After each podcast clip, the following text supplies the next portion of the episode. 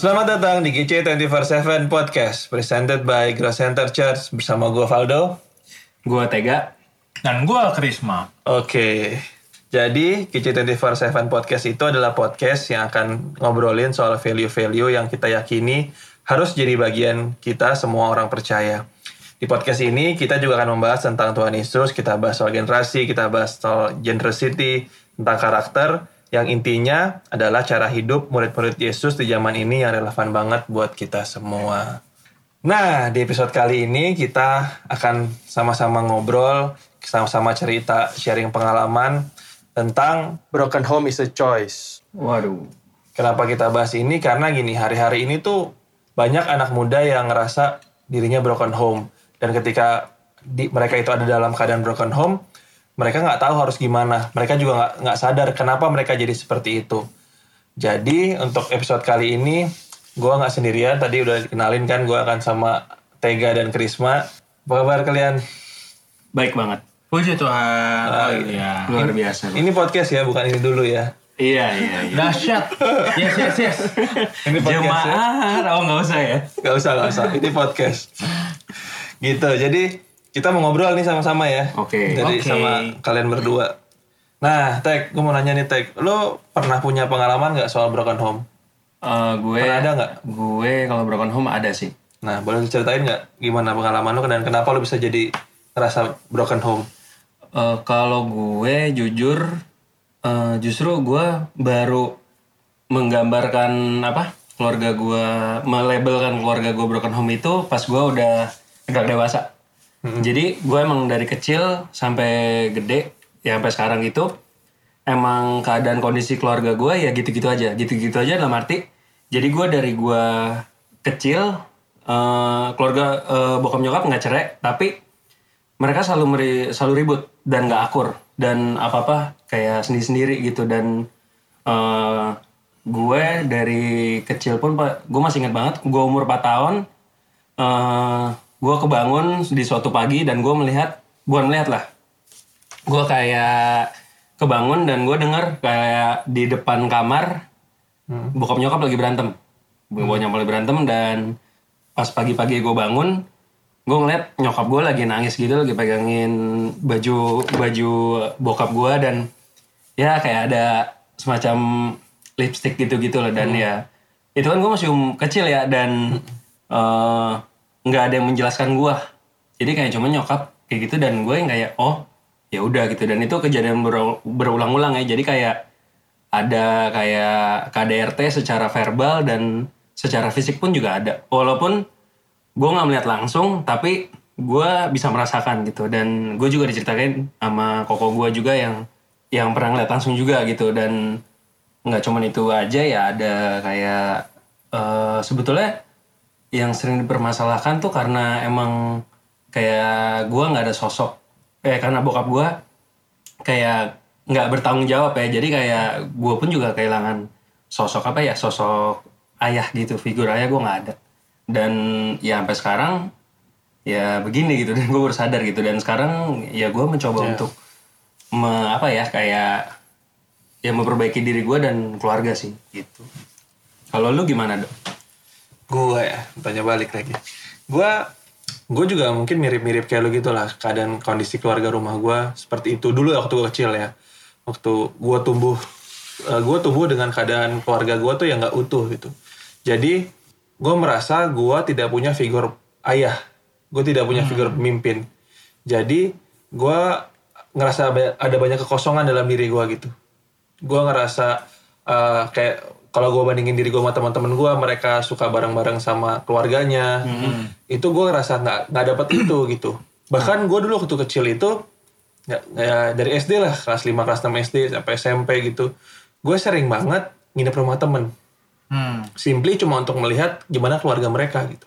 Gue beneran beneran sampai kayak gitu gue nginep Ya, rumah temen cuma untuk ngelihat papa mamanya seperti apa. itu keinginan lu untuk nginep Iya keinginan gue. Jadi gue pengen eh gue pengen punya gambaran keluarga harmonis itu seperti apa. Karena gue nggak pernah dapetin itu di rumah. Hmm. Karena gue ngerasa eh ya di rumah ngeliat orang tua berantem. Gue merasa terganggu gitu. Akhirnya gue memilih untuk let's say kabur dari rumah lah. Istilahnya quote and quote gue kabur dari rumah dan gue ke rumah teman gue gue lihat kehidupan keluarga mereka lihat bagaimana hubungannya teman gue ini dengan papanya gue lebih lebih banyak sih hubungan dengan papanya sih gimana si eh, kepala keluarga ini memimpin. Sekarang gue mengerti lah kenapa gue kayak gitu karena gue mencari figur ayah gitu. Gue cari itu dan gue ngerasa banyak kosong situ. Jadi karena gue melihat keadaan keluarga gue nggak utuh gue tuh banyak eh, denial iya tapi gue lebih banyak membantah sih. Jadi kayak om, nyokap gue ngomong apa gue lakukan opposite gitu. Banyak dan itu gue lakukan terus sampai gue secara tidak sadar gue lakuin itu gitu. Gue tidak boleh pacaran beda agama gue lakuin sebaliknya. Pacar mantan gue dulu beda agama Hmm. eh, hampir semuanya gitu. Itu cuma cuma karena nyokap gue ngomong apa gue nggak mau lakuin itu. Kenapa? Karena gue melihat setelah gue mengerti gue melihat nyokap gue sama bokap gue tidak akur gitu.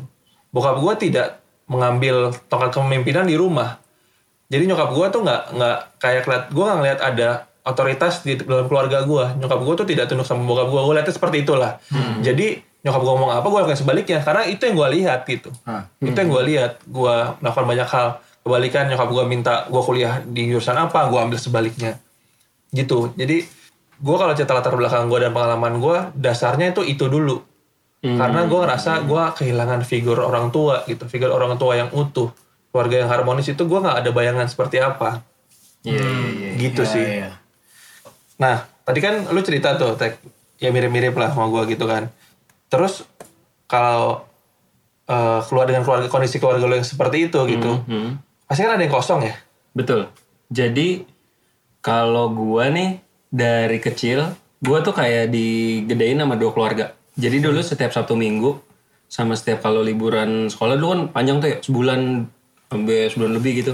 Itu gua tuh nggak pernah ada di rumah. Bukan karena gua, tapi karena emang nyokap selalu suruh gua nginep di rumah tante gua. Yang emang tante gua baik gitu. Dan gue tuh kayak di, di apa di makanya gue bilang kenapa kayak digedein sama dua keluarga? Karena gue di keluarga tante gue ya gue enak di sono. Apa ada terus sering dibeliin mainan lah diajak pergi apa gitu. Sedangkan kalau gue di rumah eh gue tuh kayak apa ya ya bokap nyokap kerja.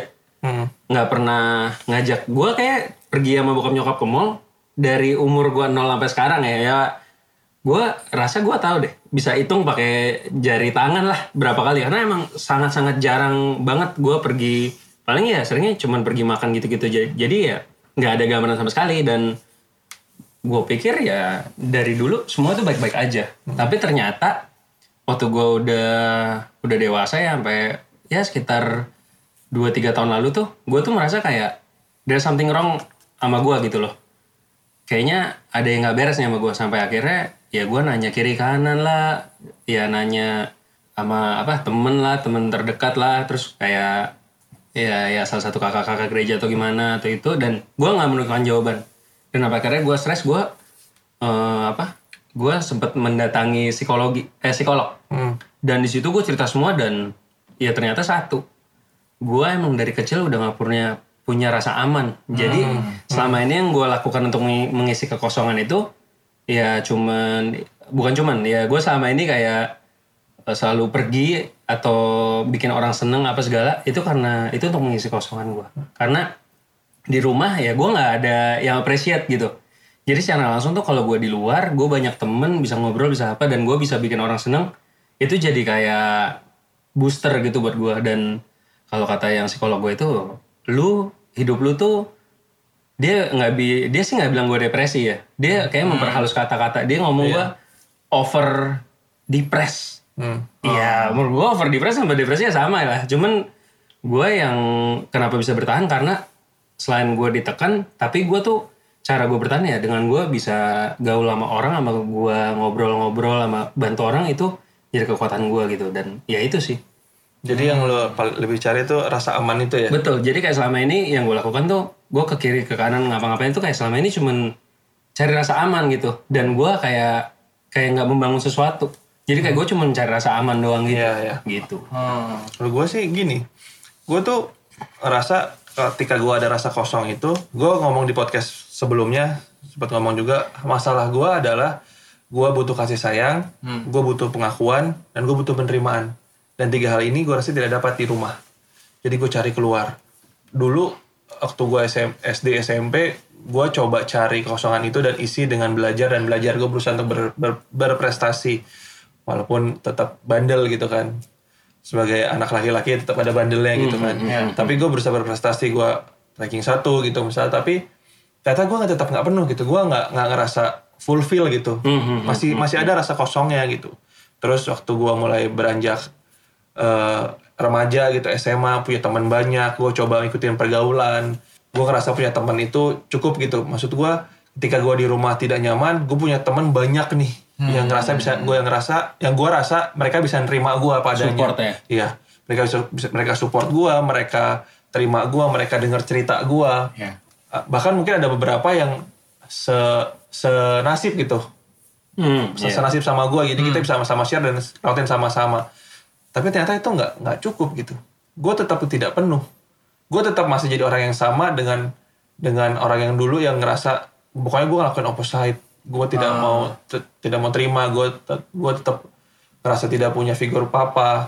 Gue tetap tidak ngerasa tidak ada leadership. Gue gue tuh ngerasa leadership gue tuh kurang banget sebenarnya karena gue tidak pernah pernah tidak pernah punya role model itu gitu. Bahkan ya fun fact-nya nih gue tuh suka banget nonton film series atau film bioskop juga yang temanya superheroes.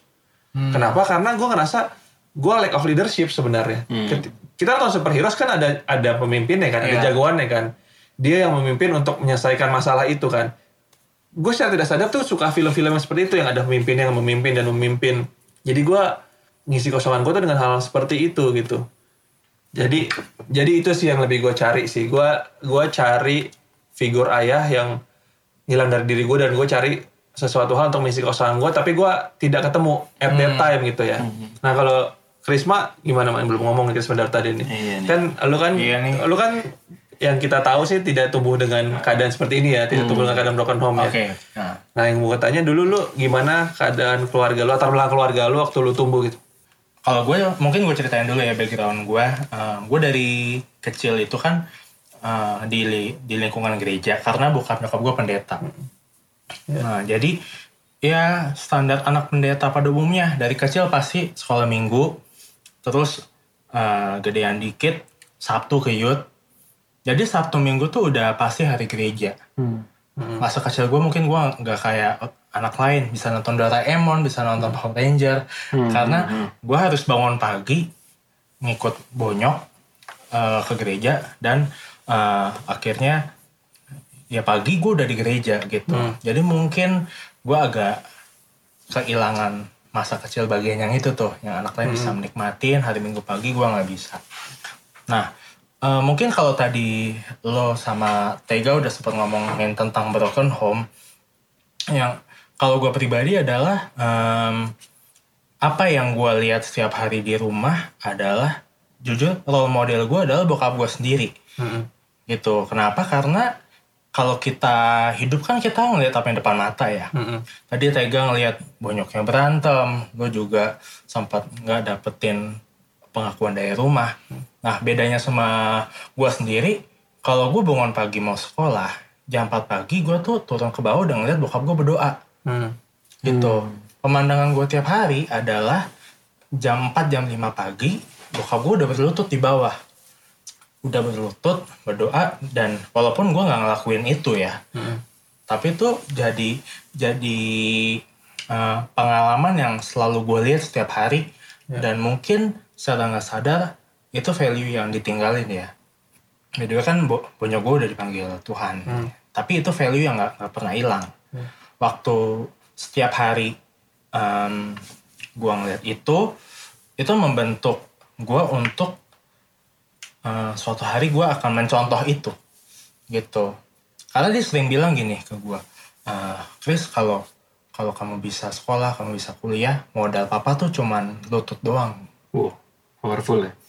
Menurut gua, gua ada, dulu pas dengarnya kan apaan sih lutut doang, maksudnya doa doang. Emang, emang eh, kita, sedangkan da- menganut em, prinsip ya orang harus kerja harus kerja karena gua agak bertentangan di area yang itu. Tapi memang, memang yang dijalanin ya begitu. Doa, doa, doa sampai eh, keba- pas kita bisa lulus sekolah, bisa lulus kuliah, semua modalnya di di doa doang. Kalau menurut eh, apa yang dia sampaikan ke gua, tapi itulah yang ngebentuk gua sampai sekarang. Kurang lebih gitu sih. Jadi Iya sih. jadi kalau kalau dari kita berdua teh kita tuh ada hilang. Kita tuh kayak nggak dapat value itu gitu. Iya. Ya kan kalau Krisma kayak dapat value kan dari rumahnya dari dari orang tuanya ada role model yang diikutin kan contoh kan. Tapi gini dengan Krisma lagi dulu deh. Dengan keadaan seperti itu nih tadi kan lu ngomongin value segala macam di Iya. rumah. ah, Dan lu anak pendeta pasti punya beban sendiri kan. Iya. Dan lu tumbuh dengan keadaan seperti itu ganggu diri lu nggak sih? Dan apa aja dampaknya gitu? Gua sih merasa sebagai waktu itu ya masa dari gua SD, SMP, SMA eh, banyak yang tahu lah kalau gua anak pendeta. Itu membuat gue agak terbatas sebenarnya. Karena secara langsung pasti gue bawa nama baik bokap nyokap. Kenapa gitu? Eh, karena gue sendiri eh, orang yang dibilang ya lu tau lah gue gue suka bercanda kan. Gue suka bercanda gue suka ngobrol. Eh, tapi once once itu jadi something yang lucu pasti jokes orang gini ih masa anak pendeta begitu ih masa anak pendeta Oh, iya. begitu Iya, iya, iya. itu tuh kayak men gue gue juga manusia sama kayak kalian gitu nggak peduli bokap gue siapa nggak peduli nyokap gue siapa itu sih yang kadang-kadang menjadi beban eh, kadang-kadang pengen mengekspresikan sesuatu tuh mikir karena bokap nyokap pendeta Karena ada label gitu kan. karena ada label Iya. Kadang-kadang terbatas itu kayak bercandaan anak-anak zaman dulu gitu gak sih yang kayak kalau tahu aktif di gereja kayak ah itu mah anak Tuhan lah atau apa yang gitu-gitu kan gitu ya Kalau Iya, iya. kalau lu tek gimana? nih? Mengganggu nggak dengan keadaan rumah lo, keadaan orang tua lo yang seperti itu? Mengganggu nggak? Karena masa dengan dalam masa lo bertumbuh lah. Mungkin sampai sekarang mungkin ya ada Eh. ada nuansa terganggu gitu nggak?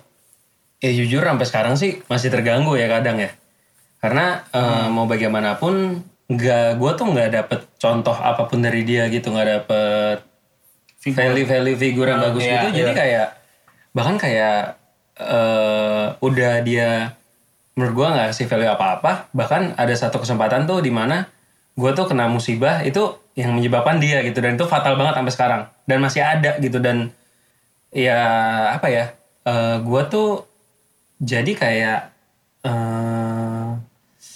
gimana ya ngomongnya? Kayak ya kayak tadi yang gue tumbuh besar sampai sekarang tuh kayak untuk ber- sekedar bertahan yang penting gue seneng apa tapi gue tuh jadi kayak lupa hal-hal lain gitu loh. Hmm. dan terus eh, di samping itu gue nih walaupun eh, dari kecil ngelihat bokap gue udah kayak gitu gue dari kecil udah tau lah hal-hal yang aneh-aneh gitu. Dan sampai sekarang pun gue juga ada temen lah yang di luar gereja gitu-gitu tapi gue tuh nggak pernah yang namanya eh, mencobai yang aneh-aneh gitu. Karena gue dari kecil udah secara langsung tuh tertanam oh ini salah itu salah. Jadi gue nggak akan pernah nyoba gitu. dan terlebih lagi nyokap gue tuh dari kecil bahkan even kayak sekarang gue selalu diginin lu mah kayak sama kayak bapak lu. Padahal lah emang gue ngapain gitu loh. Hmm. Makanya jadi kayak kalau tadi lu bilang apa yang kayak eh, lu suka melakukan opposite-nya nyokap lu, gue pun juga gitu kayak jangan pulang pagi-pagi.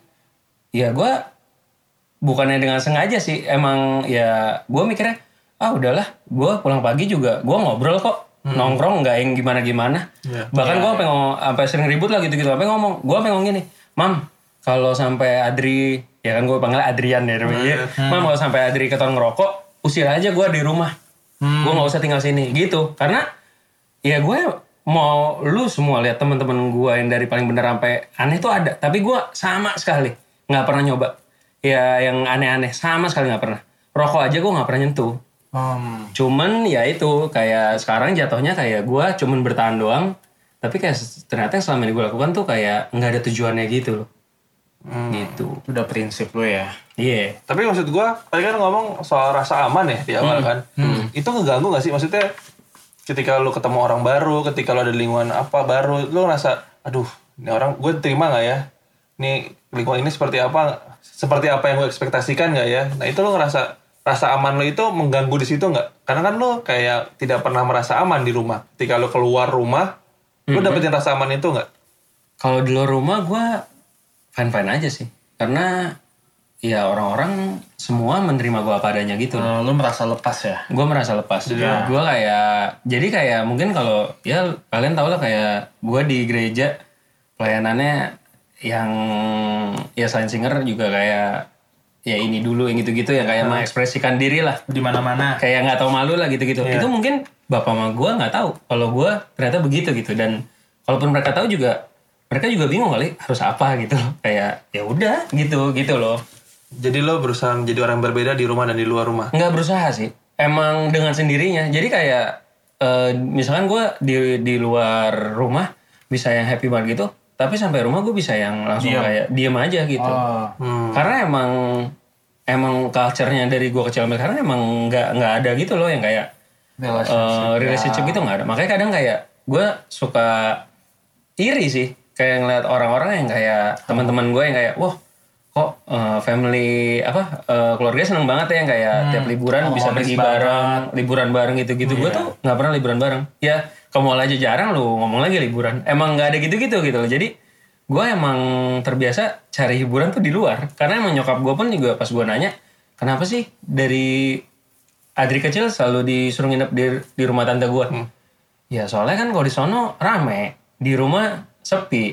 Ya supaya kamu seneng gitu. Jadi emang nyokap gue tuh eh supaya gue seneng aja. Jadi gue emang kayak terkesan kan pembawaan gue selalu happy gitu. Loh ya sebetulnya dia di dalam ya ya ada ya berantakan gitu loh.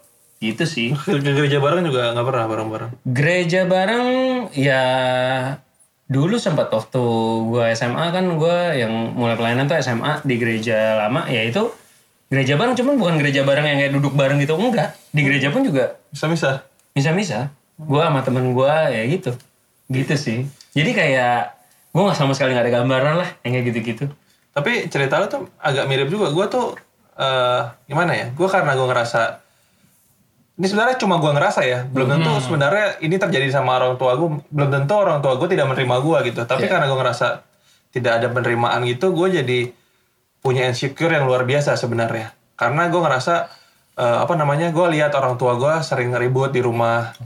Terus ketika gue keluar, gue sadar nih, gue tuh eh gue tuh mirip sama orang tua gue gitu yang sifat emosinya cepet cepet marah. Dan gue tidak mau keluarin itu karena gue ngerasa gue ngerasa gini gue tuh nggak suka ngeliat mereka begitu. Ketika gue begitu sama orang gue gue takut gak terima lagi gitu. Gitu loh. Jadi gue berusaha untuk uh, agak berusaha jadi seperti uh, orang lain gitu. Jadi kayak gue berusaha untuk bikin orang seneng. Tapi ketika gue sama orang terdekat gue gue bisa jadi jadi diri gue yang sebenarnya gitu. Jadi ketika gue sama istri gue lah gue bisa marah semarah itu ketika gue marah. Hmm. tapi gue nggak akan pernah marah sama temen gue yang di luar itu gitu. Oh, iya, di iya. luar ring satu itu gue nggak akan nggak akan keluar sifat asli gue karena gue melihat dari perspektif gue terhadap orang tua gue gue nggak suka lihat mereka begitu jadi gue nggak mau keluarin itu depan orang banyak karena gue tahu ketika gue kayak gitu banyak orang nggak suka sama gue Hmm. oh gue juga gitu sih Dok, secara langsung bener Iya, sih. gitu kan. iya iya iya tapi ketika gue sama orang terdekat gue sama, sama, sama pacar gue waktu itu gue pacaran sama istri gue sekarang sama adik gue sama nyokap bokap gue ketika gue marah gue marah Hmm. Ya, ya. gue jadi diri gue gitu nah ini ini sebenarnya dampak yang lebih negatif sih sebenarnya. Karena gue tidak tidak berusaha jadi- tidak menjadi diri gue sendiri ketika gue keluar. Ketika gue ke lingkungan baru. Mungkin gue juga tidak punya rasa aman kayak lo cerita gitu loh tek. Gitu sih. Kalau gue dampaknya sih lebih ke situ gitu. Selain pencarian figur itu ya. Gitu. Terus eh, yang paling berpengaruh juga menurut gue sih lingkungan ya. Dengan dengan background gue yang seperti itu terus gue tumbuh dengan lingkungan yang beda-beda terus kan lingkungan yang semakin lama ya kita semakin semakin lama semakin luas kan pertemanan kita circle pergaulan kita, kita, kan circle ketemu kita lain. eh, ada yang teman gue yang bandel banget, ada yang bandel aja, ada yang baik-baik. Dan saat itu tuh gue gue memilih untuk eh, untuk tidak jadi berbeda dengan teman-teman per- sepermainan gue.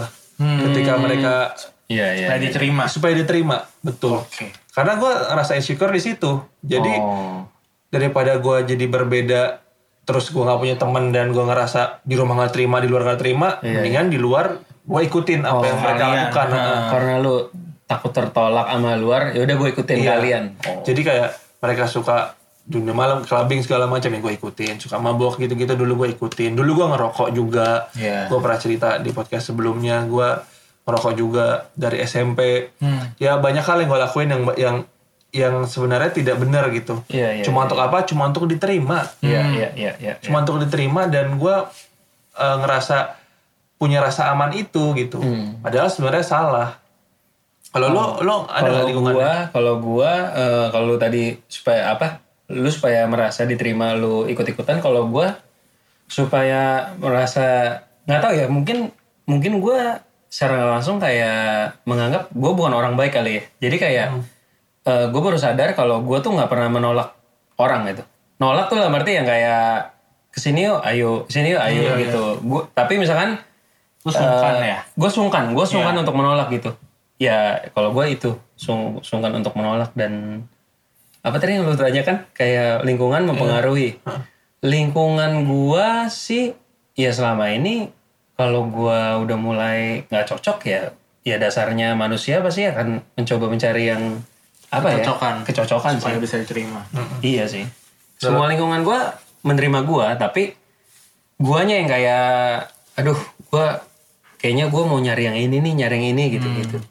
Mau nyari yang lebih baik atau gimana gitu atau bukan lebih baik sih, yang apa ya? Gua kayak mencari sesuatu yang gue sendiri pun nggak bisa menggambarkan tuh apa gitu loh. Tapi ya mungkin yang ternyata selama ini gue cari ya itu sih sosok sih, sosok apa bapak itu sih, ya itu. Karena lo nggak dapat di rumah. Karena nggak dapet di rumah. Jadi eh, lu cari penerimaan dari luar ya. Iya.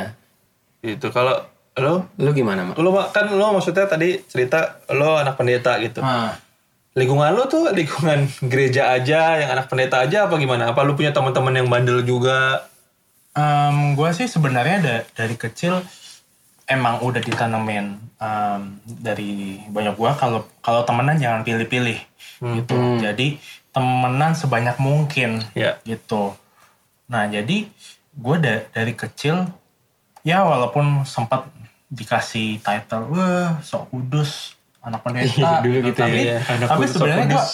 gue anggap itu sebagai jokes aja semata kenapa karena sebenarnya gue pengen diterima juga sama Iya. sama mereka Lu tuh merasa tertolak nggak sih secara nggak langsung? itu udah penolakan halus sih walaupun maksudnya bercanda ya. Cuman cuman eh, gini loh. Waktu itu gue berusaha mencari penerimaannya dalam dalam hal apa? Gue main musik gue main band. Supaya gue bisa gabung sama anak-anak yang yang notabene gue menurut gue ini keren gitu. masa-masa itu tuh ka- kalau main band di di Defensi. di pensi gitu. Pokoknya kalau kita main musik itu bisa bisa masuk lah ke ke kalangan Iya, kalangan anak gaul lah ya. anak-anak gaul. Jadi sebenarnya ling- lingkungan gue terlalu gereja juga enggak Hmm, gitu. bahkan eh, teman-teman gue tuh gue gue sering banget ada di dalam satu situasi eh, di mungkin kalau itu 10 orang 9 hancur gue dong yang enggak tapi gue ada di situ. Iya iya iya. kenapa? Eh, mereka ngerokok mereka eh, mungkin sembari melakukan hal-hal yang ya lo tau lah minum Iya, segala iya. macam gue ada di situ tapi gue nggak melakukan. That's why gue mikirnya dengan gue ada di situ eh, itu itu menunjukkan kalau gue nggak anti sama kalian. Ya itu sih. Jadi jadi sebenarnya gua nggak nggak mengkotak-kotakan pertemanan ya. Walaupun tadi gue bilang oke rutinitas weekend gue ya pasti di gereja tapi senin sampai jumat ya gue sama kayak anak yang lain gue main bola gue main band dan dan Iya, gitu sih. menarik nih maksud gue gue jadi kepikiran. Tadi kan lu bilang misalnya ada lu punya pergaulan yang misalnya dalam 10 orang ada 9 orang yang bandel satu yang mungkin yang nggak bandel tuh cuma lu gitu kan. Hmm. Kenapa lu bisa tetap bertahan untuk tidak jadi seperti 9 orang itu gitu? Maksud gue lingkungan ini kan menurut gue lingkungan itu sangat mempengaruhi diri kita seperti apa. Ada kitab Ah. ada. ketika lu satu satu orang sendiri tapi lu tidak terpengaruh sama 9 orang kenapa? Kenapa lu bisa gitu? Sebenarnya gini iya sih. Itu itu gue sempat bertanya juga ke diri gue sendiri. Cuman setelah eh gue berpikir gue flashback ter- ternyata memang semua semua itu dilakukan hanya untuk penerimaan semata. Dari dari dalam diri gue sendiri gue nggak pengen menjadi ancur sebenarnya. Gue gue udah punya pagar lah di dalam mindset gue. Gue cuman pengen eh, bisa diterima di kalangan mereka. Tapi karena gue udah kuat di dalam ya. Tapi gue percaya juga nih ini pasti hasil doa bonyok gue juga lah. Itu itu nggak mungkin eh, hilang gitu. Tapi em, itu dia sih gue gue nggak nggak nggak pernah kepikiran untuk cobain ini cobain itu tapi gue nggak risih ada di lingkungan itu itu yang Ini menurut gua nih perbedaan antara kita bertiga sih. Kalau Krisma nggak ngikutin karena udah ditanamkan. Iya. Kalau gua nggak ikutin bukan karena ditanamkan, karena gua dari kecil udah melihat yang kayak gitu-gitu. Dan gua tahu itu salah. Jadi dari dalam diri gua kayak gua nggak mau dicap jelek, makanya gua nggak melakukan itu gitu. Jadi kayak lucu sih dok, kayak kebalik ya. Iya, jadi waktu gua zaman SMA lah ya udah pada punya mobil gitu-gitu kan Ah. orang-orang udah mulai yang clubbing apa segala gitu-gitu. Semua tempat clubbing yang mereka samperin, segala obat lah atau apa yang mereka coba, itu gue udah denger waktu gue masih kecil. Jadi Oke. kayak gue jujur kayak gue baru ke situ. Ya gue ngomong kayak gitu sama mati. Padahal gue belum pernah. Tapi gue udah tahu posisinya di mana pun gue tahu gitu. Karena emang ya jal or, daerahnya sih situ doang gitu. Dan kebetulan sepupu gue kan tuh bedanya 14 tahun sama gue yang sering main sama mereka. Jadi kayak gue udah tahu lah apa yang mereka lakukan. Tapi walaupun gue nggak pernah nyoba ya. Sedangkan kalau Valdo yang gue lihat ya lu malah mengikuti kan karena Iya. supaya bisa diterima gitu. Jadi tapi tapi gue masih penasaran sama Risma sih. Enggak, kenapa sih harus Gua sih- gua masih penasaran. Soalnya soalnya lu kan pendiam banget. Heeh, enggak. Gini loh.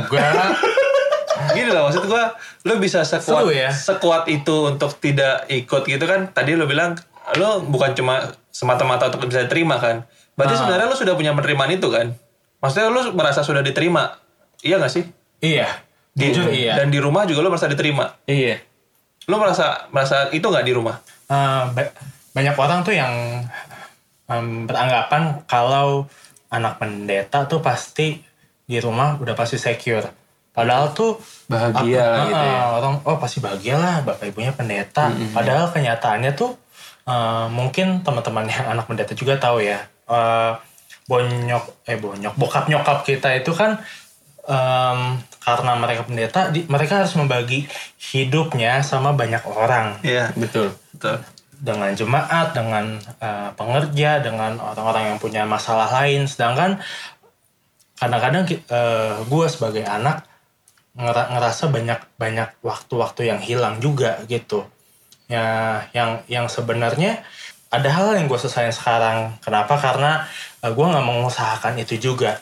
Waktu Iya. waktu-waktu itu hilang, gue gua ka- kayak ngerasa di dalam pikiran gue, oh ya udahlah, ini kan buat Tuhan juga. Tapi kadang-kadang em, harus ada dari gue sendiri untuk mengusahakan. Itu itu sih gue lebih kayak berasanya di wa- di waktu-waktu yang hilang itu antara gue sama bokap, gue sama nyokap gitu. Karena banyak kegiatan gereja dan lain-lain.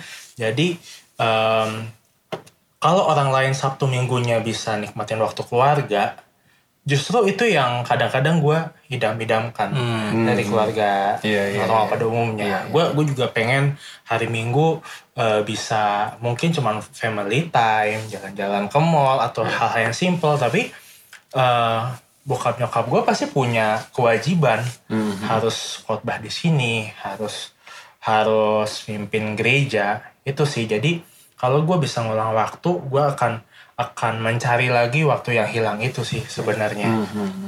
Sedih ya? Se- Sedih ya, gue jadi jadi Iya. jadi nggak enak nanya.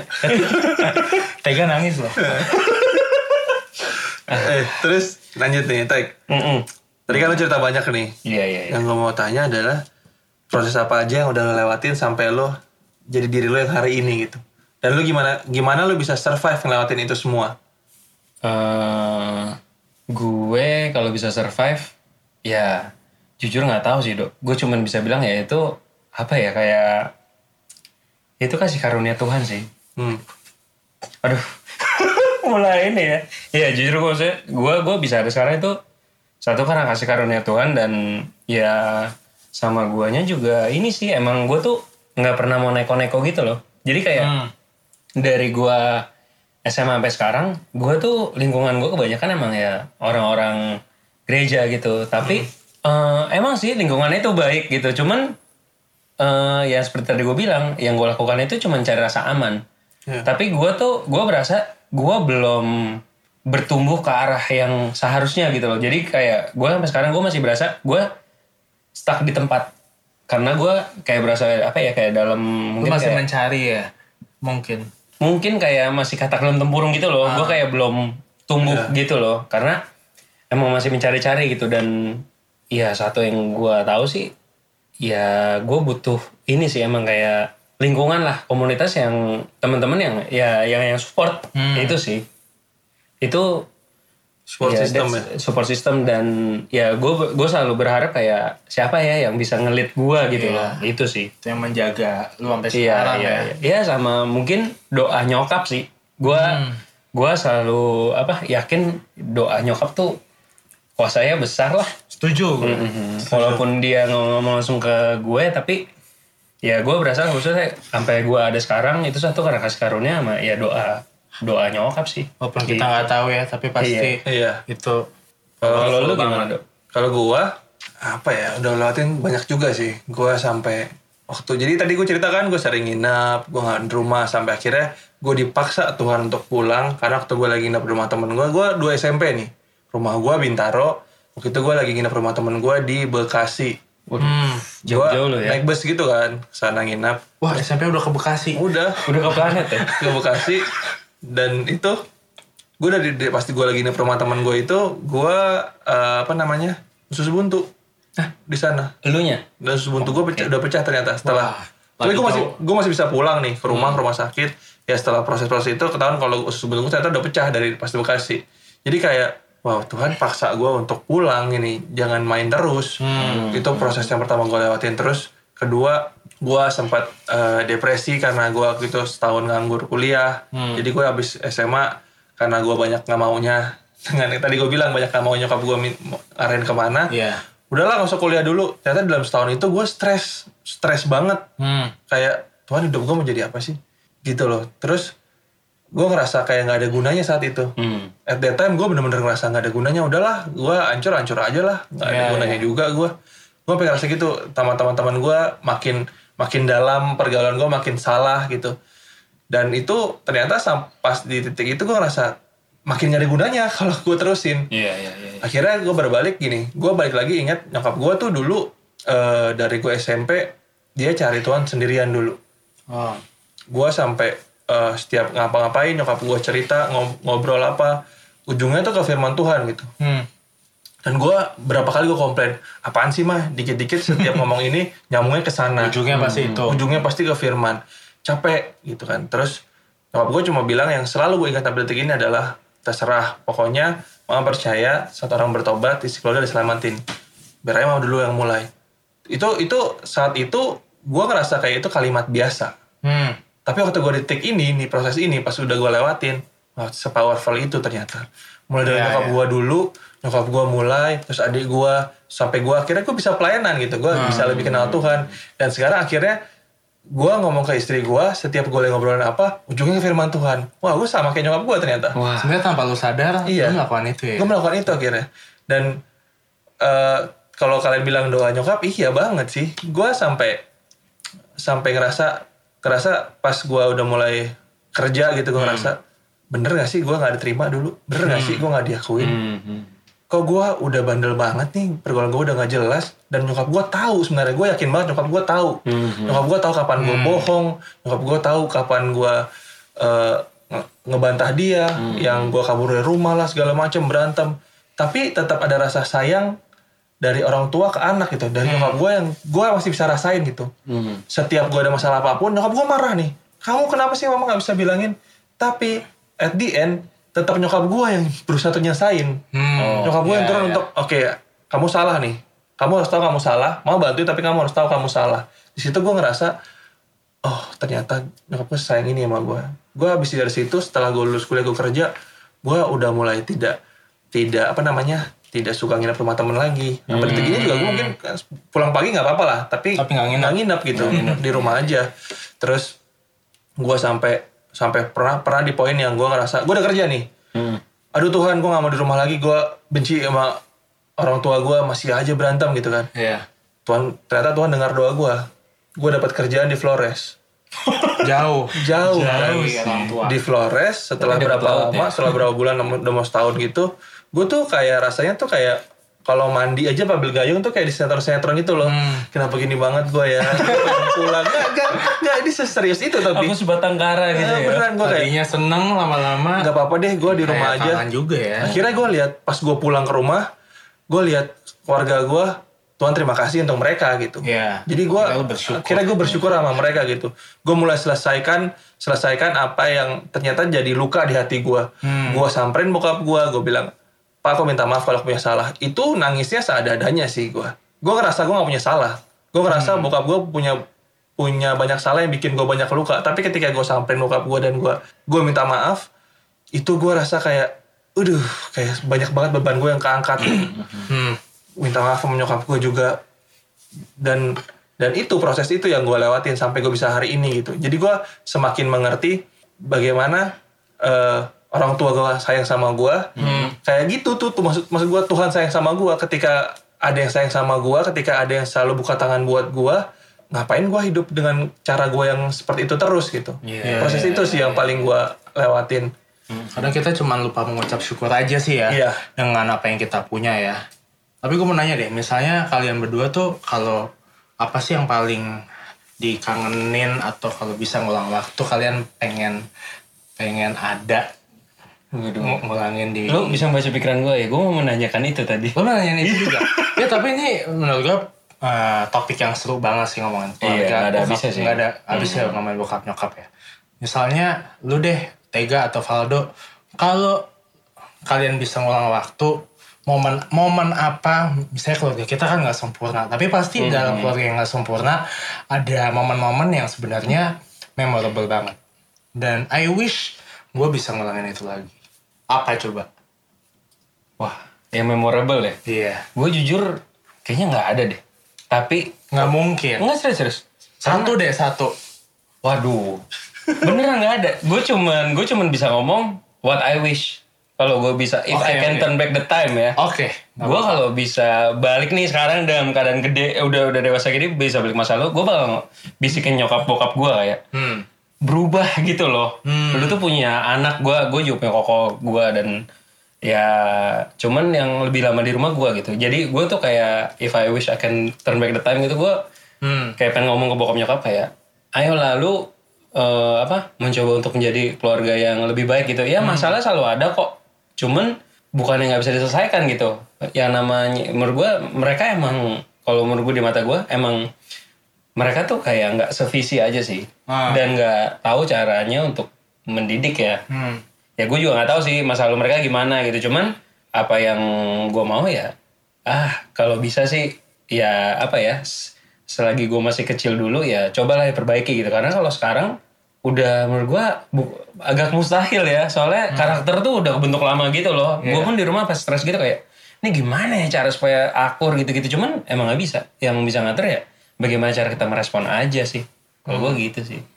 Kalau lu gimana dok? Kalau gue Lu apa dok? tadi gue bilang ya kalau momen gue agak bingung tapi kalau bisa ngulang dan mau apa yang mau gue lakukan gitu gue cuma pengen gini sih dari gue se jadi mungkin mungkin dari SD kelas 5 kelas 6 gue cuma pengen bilang I love you mom I love you dad. Maksud gue dari kecil itu gue Sedih nih. gue ngerasa nggak pernah denger itu gitu dari mereka Oh iya, iya. gue Gua juga gue nggak sadar gue dengar. tahu dan gue mengerti mereka sayang sama gue tapi gue nggak pernah denger itu. Jadi karena gue nggak pernah dengar itu dan itu yang gue butuhkan gue ngerasa gue tidak diterima.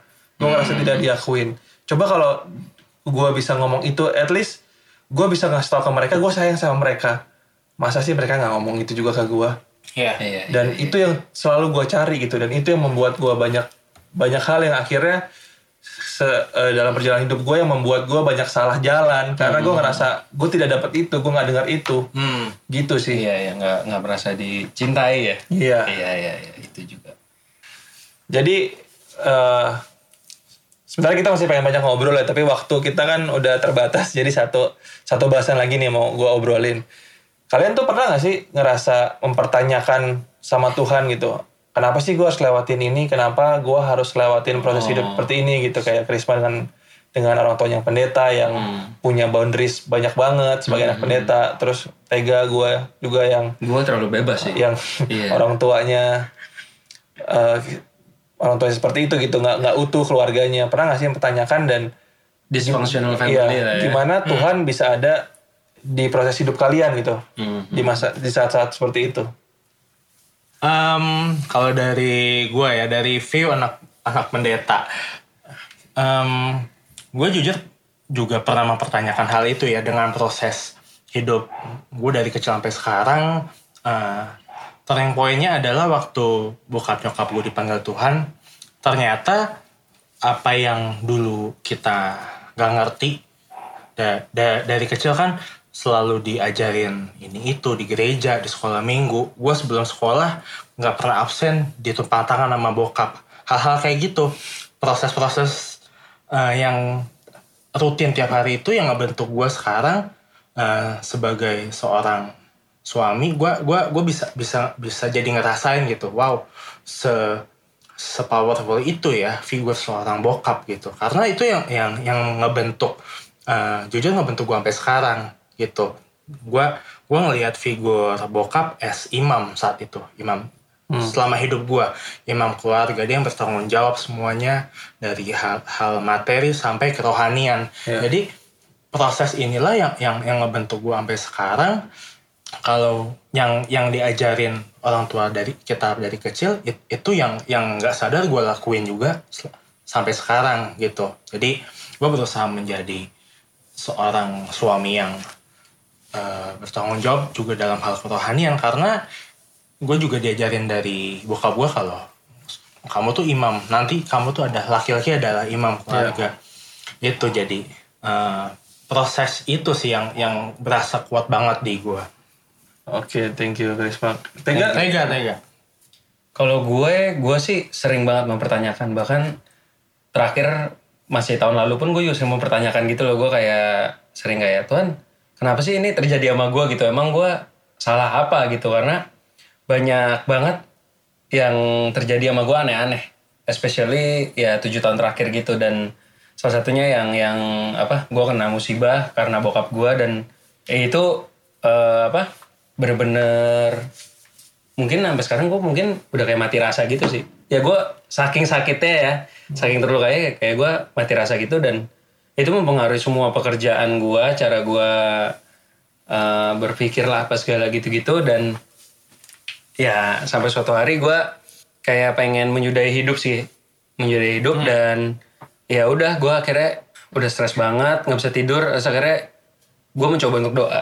Dan tenggat gue waktu itu tenang dan tapi ya setelah itu gue eh, mencoba untuk eh, gue harus apa ya supaya gue berubah gitu dan ya ya gue doa dan gue selalu percaya lah kalau Tuhan tuh ada gitu. Cuman kitanya aja yang harus mengambil action. Dan akhirnya ya gue datang ke psikolog dan gue melakukan hal-hal yang ya gue baca di internet lah harus supaya eh, apa supaya nggak terlalu tertekan gimana ya gue lakukan semua ya salah satunya olahraga dan itu merubah hidup merubah pola pikir segala jadi kayak otak cerah dan eh, ya satu hal sih walaupun gue mengalami kesulitan yang begini gue percaya kok kalau Tuhan tuh selalu ada dan eh, kalaupun gue mengalami masa seperti ini dari gue kecil gue percaya kalau itu juga suatu hari akan menguatkan orang lain sih.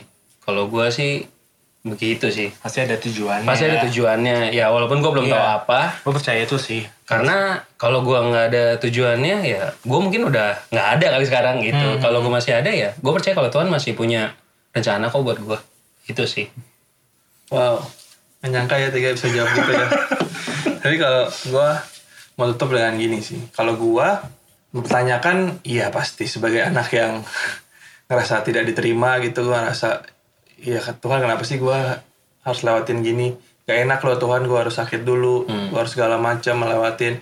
Tapi at that point gue ngerti juga kalau semakin gue kenal sama Tuhan, semakin gue ngerti kalau ini ada satu ayat yang gue selalu pegang Filipi 4 ayat 13 segala perkara dapat tanggung dalam dia yang beri kekuatan kepadaku. Jadi waktu gue harus lewatin itu Tuhan tuh udah tahu kapasitas gue sampai mana. Ya. kapasitas gue sampai mana. Dan mungkin saat itu gue gak ngerti tapi sekarang gue ngerti. Sama kayak Krisma lah dulu gue gak ngerti kenapa gue harus lewatin itu. Tapi sekarang gue semakin lama semakin mengerti dengan proses hidup gue seperti itu cara berpikir gue juga dibentuk di situ. Gue bisa keluar dari pergaulan gue yang salah aja tuh sudah suatu hal yang menurut gue proses hidup gue yang itu pelajaran banget buat gue yang membentuk diri gue banget juga. Ya. terus gue juga belajar kalau eh, akhirnya itu broken home itu bukan keadaan sebenarnya tapi broken home itu pilihan. Hmm. Eh, kita bisa ada dan tumbuh dengan keluarga yang tidak sempurna, yang tidak utuh. Tapi untuk jadi broken home itu hal yang beda, itu pilihan kita. Kita bisa tetap berada di keluarga kita yang kita rasa nggak nggak utuh, tapi kita nggak usah jadi broken home bisa. Kita bersyukur aja sama mereka, bersyukur kita masih punya orang tua. Karena gue waktu pas eh, banyak hal yang gue minta sama Tuhan terus dikabulin Tuhan ternyata gue nyesal gue mendingan punya orang tua seperti itu daripada gue nggak di luar rumah Hmm. Gue jadi merasa bersyukur gitu kan dan di situ gue ngerti home itu sebenarnya cuma pilihan kita gitu. Ketika kita dihadapkan dengan keluarga yang seperti itu kita mau bersyukur nggak sama keluarga kita? Kita mau terima nggak keluarga kita seperti itu? Kita mau nggak justru kita yang mulai duluan untuk jadi berkat untuk keluarga kita? Atau kita mau kabur dari masalah yang harus kita hadapin kita cari pembenaran dengan dengan dunia luar gitu. Dengan dunia yang salah. Itu yang gue belajar sih. Jadi gue kalau ditanya pertanyakan gue pertanyakan iya. Tapi kalau gue menyesal atau tidak gue to be honest sih gue gak nyesel. Karena gue bisa ada dengan diri gue saat ini karena proses hidup gitu itu juga. Dan iya, betul. menurut gue tuh Tuhan selalu bawa gue tepat waktu gitu.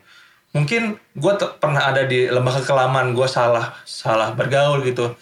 Tapi ketika ada orang-orang yang masih sayang sama gue yang masih doain gue Tuhan lindungin gue juga. Akhirnya gue bisa keluar gue bisa melayani Tuhan.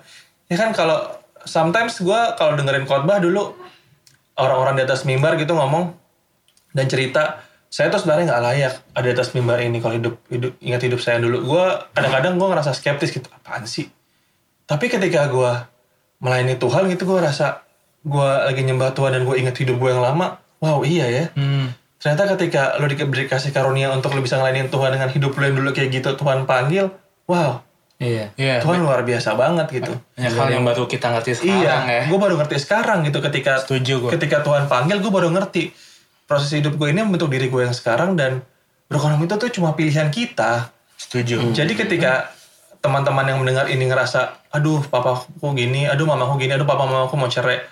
Oke, kalian harus hadapin itu, tapi kalian harus bersyukur. Kalian masih punya keluarga itu, kalian masih punya Tuhan. Jangan jadi lari dari hal yang harus kalian hadapin dengan hal-hal yang salah, karena itu cuma memperburuk keadaan, Iya. cuma memperburuk situasi gitu. Ini gue bisa share, gue bisa share ini karena gue udah lewatin gitu kan. Gitu. Ada yang mau tambahin lagi nggak? Eh, by the way, dari semua cerita yang gua ceritain tadi ya, walaupun gak detail lah. Percaya nggak? Gua waktu dulu pernah disuruh eh, sharing singkat di di Youth. Gua sh- eh, gua sharing tentang tiga ayat satu Tesalonika 5 ayat 18. Mengucap syukurlah eh, dalam segala hal karena itu yang dikehendaki Tuhan bagi kamu. Terus Yeremia 29 ayat 11, aku ini mengetahui rancangan, ya tau lah, sama Roma 8 ayat 28. Aku ini, eh apa, Allah terus bekerja dalam segala sesuatu. Itu ternyata eh, ini loh, ayat itu eh, kalau lu gabungin, kita disuruh ucap syukur eh, dalam segala hal. Dan tadi tadi di Yeremia 29 bilang kalau Tuhan tuh tahu semua yang akan terjadi sama hidup kita. Dan di Roma 8 ayat 28 ngomong Allah tuh bekerja dalam segala sesuatu. Jadi ya dengan keadaan gue yang sekarang, gue selalu ingat akan ayat gue yang pernah gue sharingkan itu sih. Jadi kayak secara langsung gue meng- di berpegang sama tiga ayat itu terus sih. Gitu loh. Gue sebelum tutup mau hi- sangat diberkati dan mau meng-highlight uh, statement Valdo tadi sih dia bilang kalau sebenarnya broken home atau enggak itu sebenarnya cara pandang kita terhadap keluarga kita sendiri ya do ya benar iya. ya. Jadi wa- waktu kita ada dalam keluarga yang keadaannya nggak ideal dan kita men-statement gue ada di keluarga broken home, itulah yang di alam bawah sadar kita kan membentuk uh, Iya. cara pikir kita Betul. kalau keluarga kita broken home. Iya. Jadi em- emang cara cara pandang kita terhadap keluarga kita, cara kita mensyukuri apa yang kita punya, eh, itu sih yang bisa ngubah Hmm, Benar gitu ya dok. Iya. Hmm, thank you dok. Gitu. Thank you banget. Dan satu lagi terakhir. Oh, yes. Ini buat penutup nih. Kalau kalian ngerasa kalian broken home ta- atau ngerasa tidak diterima, kalian punya komunitas namanya Cool.